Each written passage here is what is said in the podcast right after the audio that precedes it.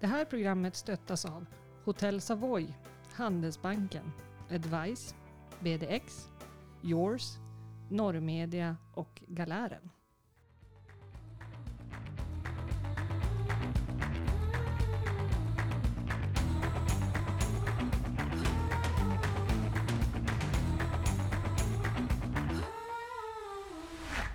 Hej och välkomna till konsulatet. Det här är våran podd nummer 41. Tänk, 41 stycken poddar. Däribland intervjuer. Vi har haft eh, testat öl och nu senast så testade vi brädspel. Mm. Och vi har testat mycket. Och, men det här skulle ju vara en alldeles vanlig, normal konsulatet-podd tillsammans med dig Jonas, och Ja. mig och Malin. Just, men hon fick ju förhinder idag så att vi Ja. får, ni får alla hålla till godo och vi får hålla till godo med, med oss två. Men Malin hälsar till alla. Det gör hon definitivt och ni hörde henne ju också i gingen. Ja. Men du, vad ska vi prata om idag? Ja, jag tänkte vi kanske skulle prata en eftervalsanalys. Nej, för fan. Nej, alltså det... Det gör ju alla andra. Ja, men de gör ju det. Nej, det är klart. Vi, vi konstaterar att det har varit val. Vi konstaterar att vi, det svenska folket har avgivit sitt valresultat. Jajamän. Men eh, det kommer ju inte att bli lätt för, för regeringsbildare Kristersson. Nej, jag skulle vilja säga så här. Oavsett vem som hade fått bilda, eh, eller får bilda regering, så hade ju den, få- får ju den regeringen det inte lätt. Alltså de står ju inför enorma bekymmer. Mm. Eller det är ju vi som står inför bekymmer i och för sig. Det är ju inflation Ja. och vi har, ja, det är många saker som... Arbetslösheten, tillväxten stagnerar. Ja, ja, arbetslös, ja, arbetslös, Räntorna, Ja, räntorna sticker iväg, energipriserna ökar. ja, jag skrev precis eh, i eh, Norrmedias tidning Norran om detta med räntechocken. Mhm.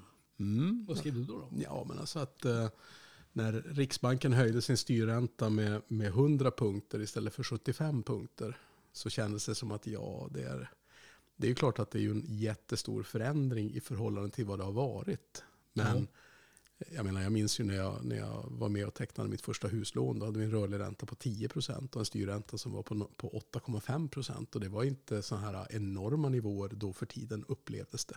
Alltså vi, eh, jag och Lilian, min fru, vi gick igenom våra eh, husamorteringar från 1992 när vi köpte hus. Alltså, hade, Köpte ni, hade ni en helg när ni tänkte att nu, nu, nu Nej, ska men vi... alltså just det här du pratar om. Hur hög var räntan egentligen på Ja. den tiden? Och vi hade ju någon dag, någon enskild dag var ju räntan 500 procent. Men alltså vi låg ju på 8, 10, 12, 14 procents ränta första tiden i vårt nya radhus. Mm, Då precis. kan man snacka om räntechock.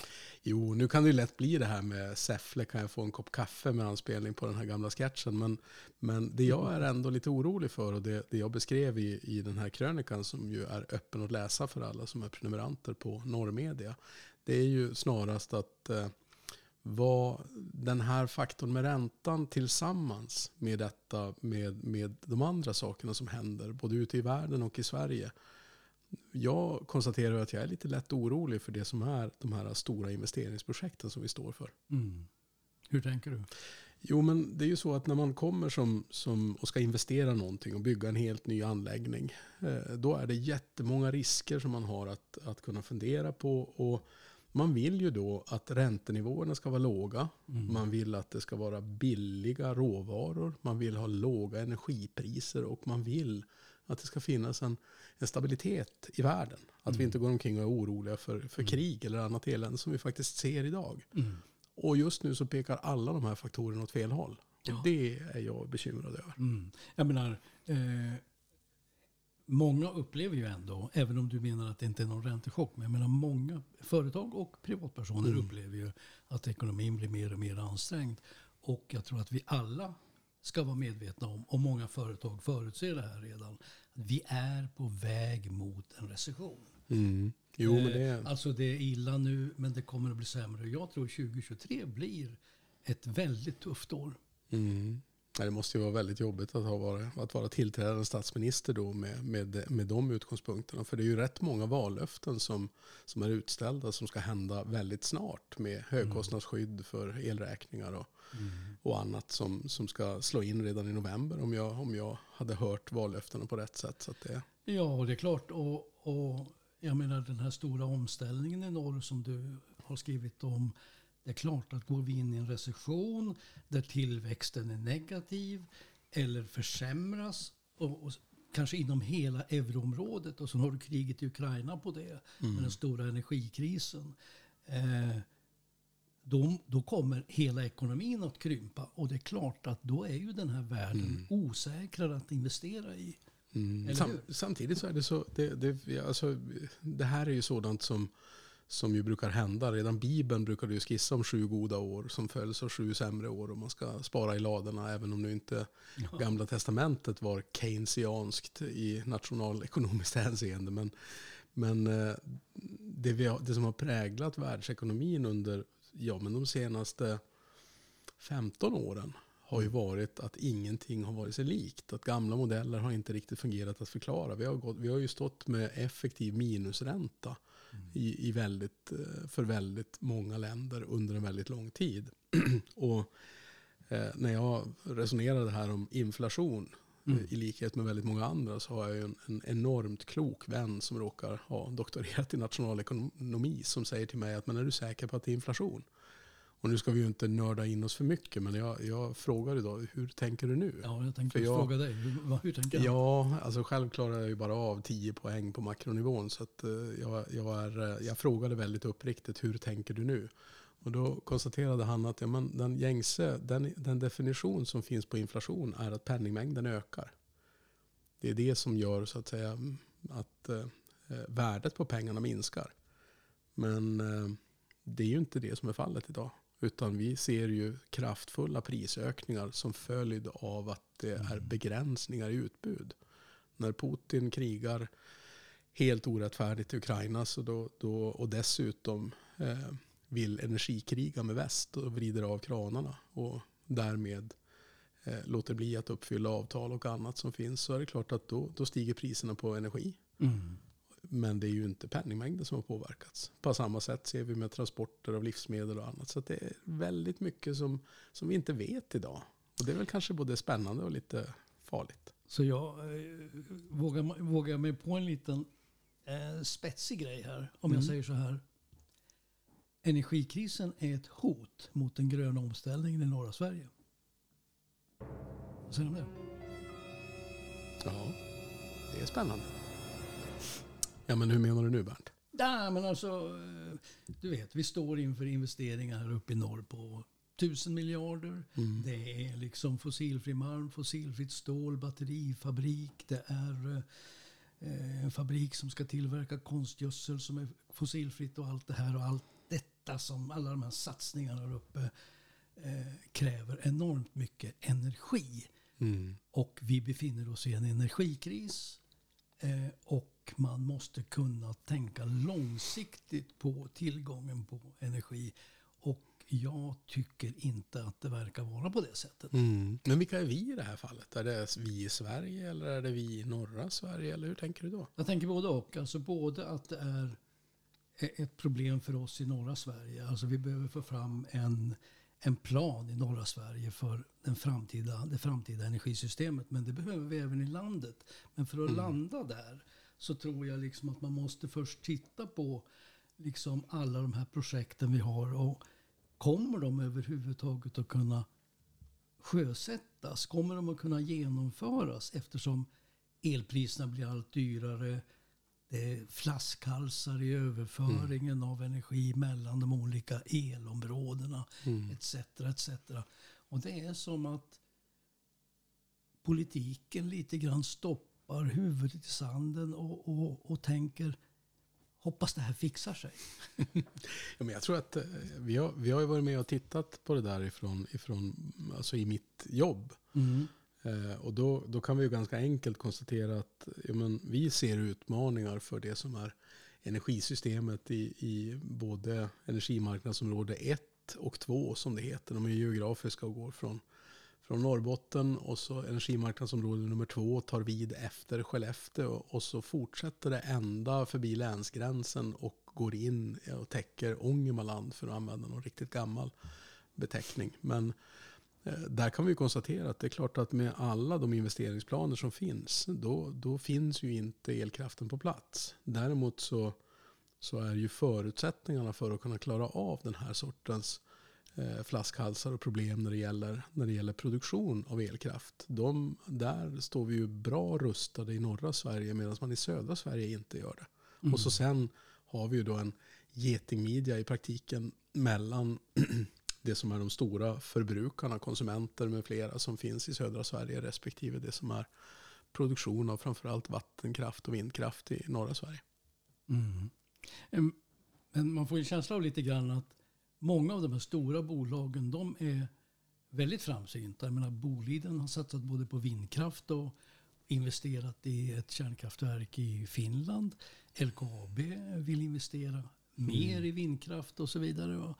Eh, Men det kommer ju inte räcka utan eh, trots att det produceras så oerhört mycket vind. Om vi tar vinden för sig. Mm. Alltså vi har, tror jag, i Norrbotten och Västerbotten ungefär tusen eh, vindkraftverk. Mm. Kan det stämma? Ja, men det, det tror jag tusen. Jag, jag, Ja. jag, jag kan inte siffrorna, men, Nej, men det, men vi ska ju veta också att, eh, att antalet är en sak. Men nu är det ju också så att de nya vindkraftverken som byggs har ju propellrar som är så enormt mycket större och på högre höjd. Än Jo, men jag tänkte komma till det. Alltså för, för de närmaste åren så kommer det här uppe att finna, i norra Sverige kommer det finnas ungefär 400 vindkraftverk till. Va? Mm. Och sammanlagt så kommer alltså Norrbotten och Västerbotten om två år att producera över 12 terawattimmar vindkraftel. Mm. Eh, alltså notera nu att det idag produceras mer el i Sverige än när reaktorerna i Ringhals stängdes. Mm. Större delen av den här nya kapaciteten den har tillkommit kanske inte bara här uppe i norra Sverige men i norr om Dalälven i alla fall. Mm. Så jag bara säger att det svenska elsystemet alltså det är skevt och det kan bli ännu värre för samtidigt som utbyggnaden här i norr fortsätter så går det jäkligt trögt i, i södra Sverige. Alltså i nio län Mm. så är noll nya vindkraftverk planerade fram till 2024. Skåne väntas enligt Svensk Vindenergi i alla fall producera mindre vindkraftsel 2025 än de har gjort 2015. Mm. Hallå! Jo, men det, det, där är, det där uttrycker ju också någon, någonting annat. Ja, men ska kunnat- allting produceras i norr? Men nej, det funkar ju inte. Utan när man en gång i tiden dimensionerade eller skapade det som är förutsättningarna för dagens energisystem. Då byggdes ju det på att eh, man behövde få stabil tillförsel av kraft. Alltså av typen kärnkraft eller vattenfalls, eh, vattenkraft. Där, eh, där vi kan kontrollera. Där vi kan lagra i damm eller vi kan höja och sänka bränslestavar. Och på det sättet se till att ungefär lika mycket kraft som behövs konsumeras på ett givet ställe också produceras. Mm. Och då är ju kraven på överföringskapacitet mellan norr och söder mindre intressant. Därför att då är det dimensionerat för att det där ska fungera. Men då lägger vi på då dels en planerade kärnkraftsnedläggningar. Det har vi ju känt till, får vi väl ändå säga, sedan folkomröstningen om kärnkraft 1980. Att eh, det, det var någon sorts utgångspunkt för politiken. Eh, och ändå så har ju alla drabbats av en sån här enorm förvåning när Barsebäck stängdes. Så här, "Åh, vad var det här för någonting? Hur kunde det här komma till? Och så sen har vi ju sett ett antal produktionsstörningar som, som antingen har, har förklarats med mänskliga faktorn i kärnkraften alltså. Eller som följd av att det är väldigt gamla anläggningar vi har för, för kärnkraft. Storskalig produktion av kärnkraft. Och då uppstår ju problemet. Har, har, har du tänkt på det förresten att det har ju dykt upp ett, eh, en, en, ganska lustig detalj i det här med debatten om kärnkraft. Alltså nu har det, nästan, det blir nästan lite gulligt med ny kärnkraft. Man pratar om SMR. Det, är liksom, det låter nästan ofarligt. Ja men det är små modulära reaktorer. Det låter som lite puttenuttigt. Man kan ha det ungefär som ett elskåp på gården. Jo, fast SMR, det, det låter ju mer som svenska motståndsrörelsen. Så det, lite, det är ju litet men inte fullt så gulligt. Va? Så vi får akta oss för förkortningar. Men jag, jag tänker väl också någonstans när, när eh, den här debatten kommer. Så är ju, eh, jag menar, som jag har förstått det, och, och, vi tar ju hemskt gärna emot synpunkter och i det fall som vi har haft fel, helt fel i någonting så kommer vi klädsamt att förklara vad rätt är om ni bara hör av er till konsulatet. Ja, vi har ju rättat oss någon gång. Ja, det har hänt.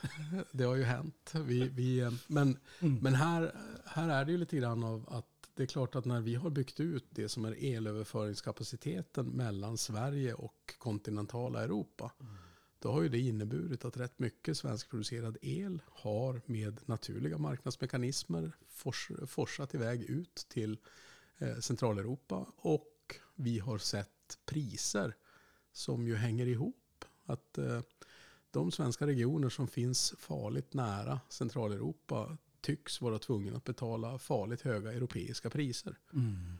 Eh, och, Just det. och här blir ju egentligen då, då, pekar man gärna finger och säger att ja, men ni där uppe i norr då, som verkar ha så enormt billig energi. Jo, men visst, då är det ju trots allt så att det är en hel del fritt flytande älvar som har dämts upp under historien. Och det är också så att det är ingen som tycker att vindkraftverk är särskilt vackra att ha precis i sin bakgård.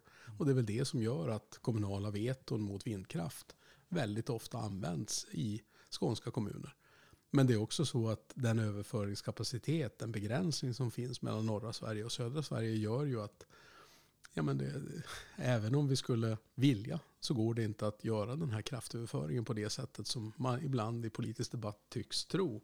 Däremot så är det ju för mig lite märkligt varför det finns ett energimarknadsområde 3 och ett energimarknadsområde 4. Hur tänker du då? Nej, men jag tror inte att den överföringskapacitet alltså att det finns inte brist på överföringskapacitet mellan det som är Mellansverige och södra Sverige. Nej, där funkar det ju. Där gör det ju det. Ja. Och då kan man ju ställa sig frågan varför stockholmare ska betala mindre på sin elräkning än vad skåningar gör. Mm. Och då blir det ju en... Eller varför skåningarna ska betala mindre än stockholmarna.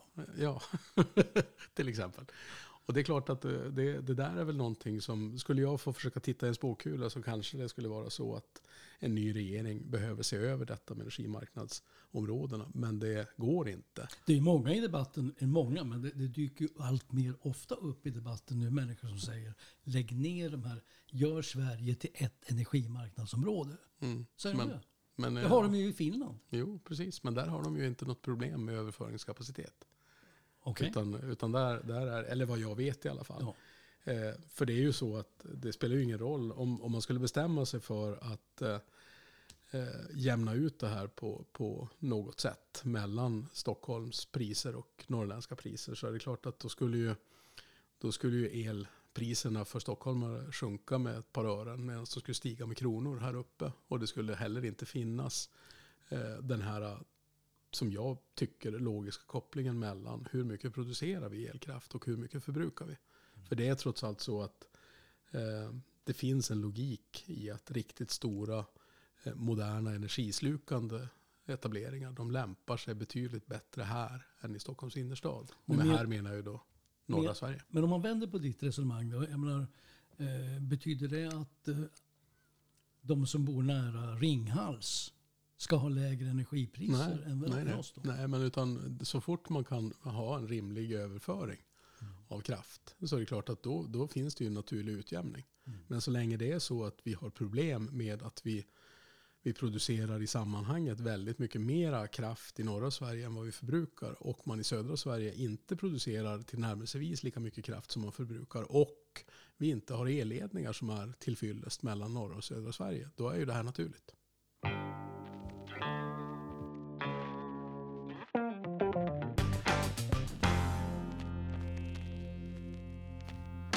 Men du, behovet av el det blir ju enormt om den här gröna omställningen som Norrbotten och Västerbotten har ledartröjan för, om den ska kunna genomföras. Enbart LKABs satsningar kommer att kräva en elförbrukning på 70 terawattimmar. Alltså det är ju hälften, hälften av Sveriges totala elförbrukning 2021. det, det, blir ju alltså, oerhört alltså, stora ja, alltså, precis. Eller ungefär samma mängd energi som all vattenkraft genererar på ett år. Mm. Alltså vi snackar om en gigantisk, ett gigantiskt behov av ny mm. energi.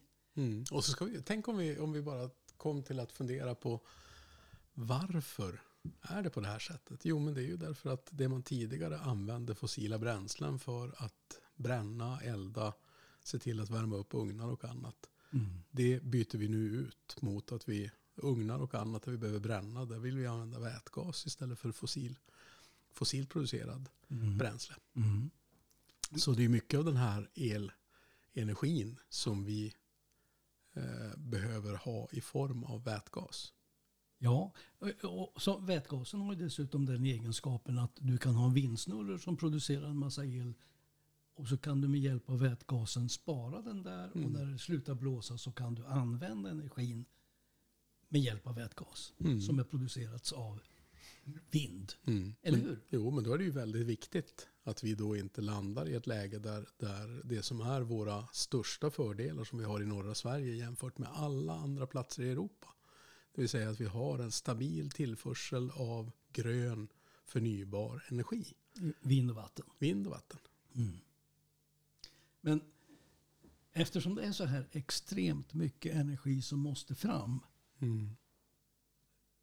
Och som du säger, att det har att göra med att vi avvecklar den här, det här fossila eldandet. Va? Mm. Då blir det ju ännu mer angeläget att den här stora omställningen som vi håller på med i Norr och Västerbotten inte stannar av. Nej. Och det är det, det är det som är min poäng lite. Att jag, ser, jag, jag känner en viss rädsla för att det här kommer liksom att stoppa upp därför att energibehoven är så stora och det sker så få satsningar. Det finns ingen riktig styrning på det här. Alltså det, det krävs politiska krafttag i den här frågan. Och det känns som jag sa förut som om politikerna stoppar lite grann huvudet i sanden. Jo, jag vet du sa att jo, vi håller på med en massa saker. Mm. Jo, men vi är ju inte politiker utan vi som håller på med det här Ni är är ju, tjänstemän, ja. vi är, vi är eh, små enkla grå tjänstemän som försöker göra det vi kan. Eh, Men just talat till detta med energifrågan så, så är ju en stor del av det jag tror är problemet är ju att den här behöver vara en regional fråga. Alltså energifrågan, jag menar om allting skulle, skulle vara löst med både, både produktion och distribution av kraft i Sverige och det, vi hade en stabilitet, ja men då är det ju inget problem att det är en nationell fråga. Men nu när vi inser att det finns stå, så stora utmaningar i detta, då är det viktigt att vi aktiverar alla beslutsfattare på alla nivåer. Så om jag, om jag ställer en spetsig fråga till dig och säger så här. Har regionerna i Norr och Västerbotten förmågan att skapa de förutsättningar som krävs för att Eh, alla ska kunna klara av att genomföra sina investeringar? Nej, det har man inte. Och egentligen så, så är ju till syvende och sist när det gäller etableringar av de kraftslag som vi kan etablera. Vi ska ju, jag menar nu, det pratas oerhört mycket om kärnkraft. Men ska vi bygga, vare sig den är storskalig eller småskalig kärnkraft, så är ju det tillståndsprocesser som är oerhört långa. Eh, utan det som finns här och nu som faktiskt går att eh, investera i, det är ju solenergi, det är vindenergi. Vattenkraften, där kan man ju göra vissa effektiviseringsåtgärder men väldigt lite. Och som du speglade i, i ditt av, avsnitt av konsulatet Grillar med Johan Ehrenberg. Så trots att vi har mest soltimmar i, i Sverige här uppe så är vi synnerligen dåliga på att sätta upp solpaneler. Trots att det idag är relativt billigt och möjligt att, att kunna frikoppla större delar från, från det som är kraft, elnätet. Om vi skulle vilja. Mm. Jag läste i Dagens Industri, eh, Bolidens energidirektör Mats Gustafsson, han, han sa någonting om att tuffa tider väntar för de bolag som byggt sina energikalkyler på hur det var före energikrisen. Alltså de kommer att drabbas av enormt mycket högre kostnader som de kanske inte går i land med. Nej. Alltså då, om vi nu bara lyfter perspektivet då från norra Sverige och tittar ut över Europa så är det klart att eh, nu går vi mot en vinter där oerhört många hushåll och industrier är beroende av tillförsel av rysk gas. Ja. Och det är klart att eh, om, vi, om vi oroar oss, du och jag, över hur ser möjligheterna ut för elkraftförsörjningen i norra Sverige så är det klart att vi, vi har utmaningar men det är ingenting mot för det som hela Europa samlat står inför. Och då är det ju viktigt att försöka se till att ja, men ska vi etablera verksamheter då är det bäst att etablera dem där det finns tillgång till grön eh, fossilfri energi. Mm. Det är, ju en, det är ju ett av de viktigaste argumenten till varför, varför Northvolt 1 byggs i Skellefteå och inte någon annanstans. För det är klart att om man ska tillverka battericeller med hjälp av brun el, då, då finns det ju inte en enda fördel. Förutom då att jag, jag läste någonstans att numera så är det lika dyrt att tanka en Tesla eh, som det är att tanka en, en modern bensinbil i södra Sverige. Ja, det stämmer ju inte riktigt. Men, men om du... Ja, då tog de ju till att det skulle vara kallt också så att räckvidden skulle påverkas. Så, ja, men man, man Ja, gjorde ja, det. right. Men det är långt ifrån. Men, men eh, du kanske kan ligga på 9 kronor kilowatt eller någonting sånt där på en sån här så kallad snabbladdare, supercharger. Eh, Men laddar du hemma i södra Sverige kan du ju inte komma upp i de kostnaderna. Ja, föreställer jag mig i alla fall. Mm, det kan ju hända att vi får något tydligt brev eller annan in, annat inspel från någon som vet eh, av egen bister erfarenhet vad det kostar med el i södra Sverige. Men det är klart att Mm. när man läser i kvällstidningarna att eh, vad kostar en dusch så är det ju en nyhet som man inte har läst på bra många år. Vad kostar en dusch? Ja, men jag tror att de kost- det är ju naturligtvis beroende på hur varmt och hur länge. Va? Men jag tror att det, det var några som tyckte att den, den skulle kosta uppemot mellan 5 och 15 spänn beroende på vem det var som duschade och hur länge. Okej, vi kanske får en ny sån där ekonomisk variabel. Ju, kunde man ju mäta allting i en, en Mac, Big Mac. Big ja. Mac och så. Ja, nej, precis. Nu är det Big dusch.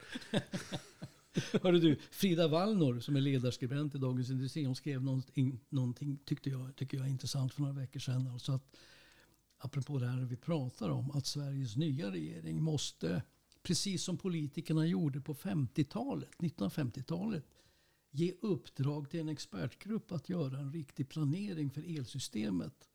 Alltså Mm. dagens debatt om hushållens elräkningar och så där är viktig menar hon, men det är ju här uppe i norr som Sverige vill för, förverkliga sin fossilfria framtid. Mm. Och det där, det där skulle jag vilja skriva under på. Jag tycker det är väldigt bra sagt. Mm.